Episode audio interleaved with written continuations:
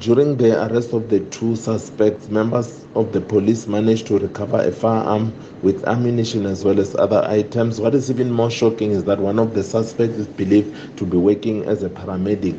According to a report, armed suspects entered the said post office and held the employees at gunpoint. They got away with undisclosed amount of cash from a safe and they left employees tied with uh, cable ties